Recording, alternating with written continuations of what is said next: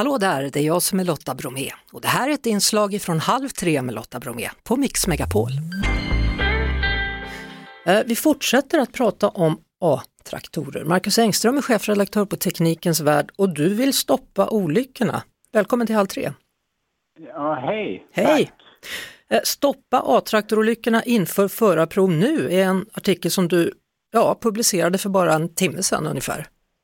Ja, precis. Det, det händer ju lite för många olyckor med eh, dödlig utgång tyvärr just nu. Du skriver då i din artikel inför förarprov nu. Ja, för det är ju faktiskt helt sjukt att man bara gör ett te- teoriprov och sen släpps man ut i trafiken alldeles oavsett om A-traktorn faktiskt går 30 eller om den går 130 så måste man ju ha en utbildning och visa att man har kunskap att framföra fordonet. Vi pratade ju med Karina nyss då, vars son hade fått en epatraktor och det han hade gjort var att han hade gått en eh, mopedkurs då, åkt mellan konerna med moppen och sen hade han fått köra lite i stadstrafik och sen kunde han köra i sin A-traktor. Ja, du hör ju själv. Ja, va, va, varför är det på det här viset? Det är för att det är så otroligt gamla regler kring det här. Alltså A-traktorns ursprung är ju liksom från början av 1900-talet nästan där, där det här var liksom ett jordbruksredskap helt enkelt. Och sen har inte regelverket hängt med. Och nu då, vi pratade med en, en kille som bygger om, han säger att nu är det riktiga bilar liksom som man gör om. Man sätter på någon slags spärr och så stryper man på någon viss grej, vad det nu var för någonting, och så kan man köra. Ja, precis. Men det är ju...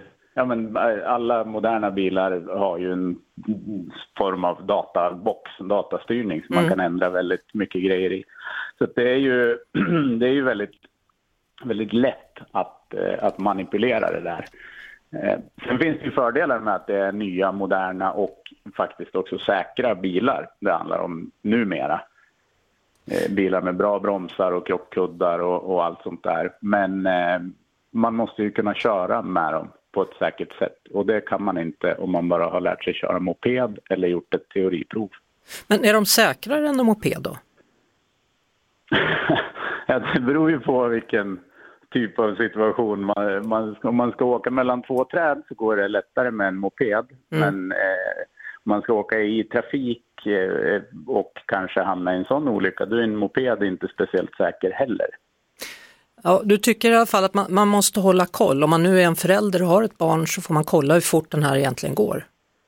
Ja, till syvende och sist så handlar det väl mest om att ha väldigt tät dialog med, med sitt barn som faktiskt är ute och kör i trafiken. Man, kan ju, man, man kan ju provköra dem där, det är ju som en bil. Om man är förälder så kan man köra dem där någon gång då och då och se hur fort den går. vet man hur många A-traktorer det finns på vägarna nu för tiden? Hörru? Jättemånga. Det har ju ökat, dubblerats de senaste eh, två och ett halvt åren. Det sägs att det finns över 50 000 registrerade A-traktorer i Sverige. Oj, det är oj, ganska många. Ja, det är många. Tack så mycket då, Marcus Engström, chefredaktör på Teknikens Värld. Det var det. Vi hörs såklart igen på Mix Megapol varje eftermiddag vid halv tre. Ett poddtips från Podplay. I podden Något Kaiko garanterar östgötarna Brutti och jag, Davva, dig en stor dos skratt. Där följer jag pladask för köttätandet igen. Man är lite som en jävla vampyr. Man har fått lite blodsmak och då måste man ha mer. Udda spaningar, fängslande anekdoter och en och annan arg rant. Jag måste ha mitt kaffe på morgonen för annars är jag ingen trevlig människa. Då är du ingen trevlig människa, punkt. Något Kaiko, hör du på Podplay. Därför är gardinerna.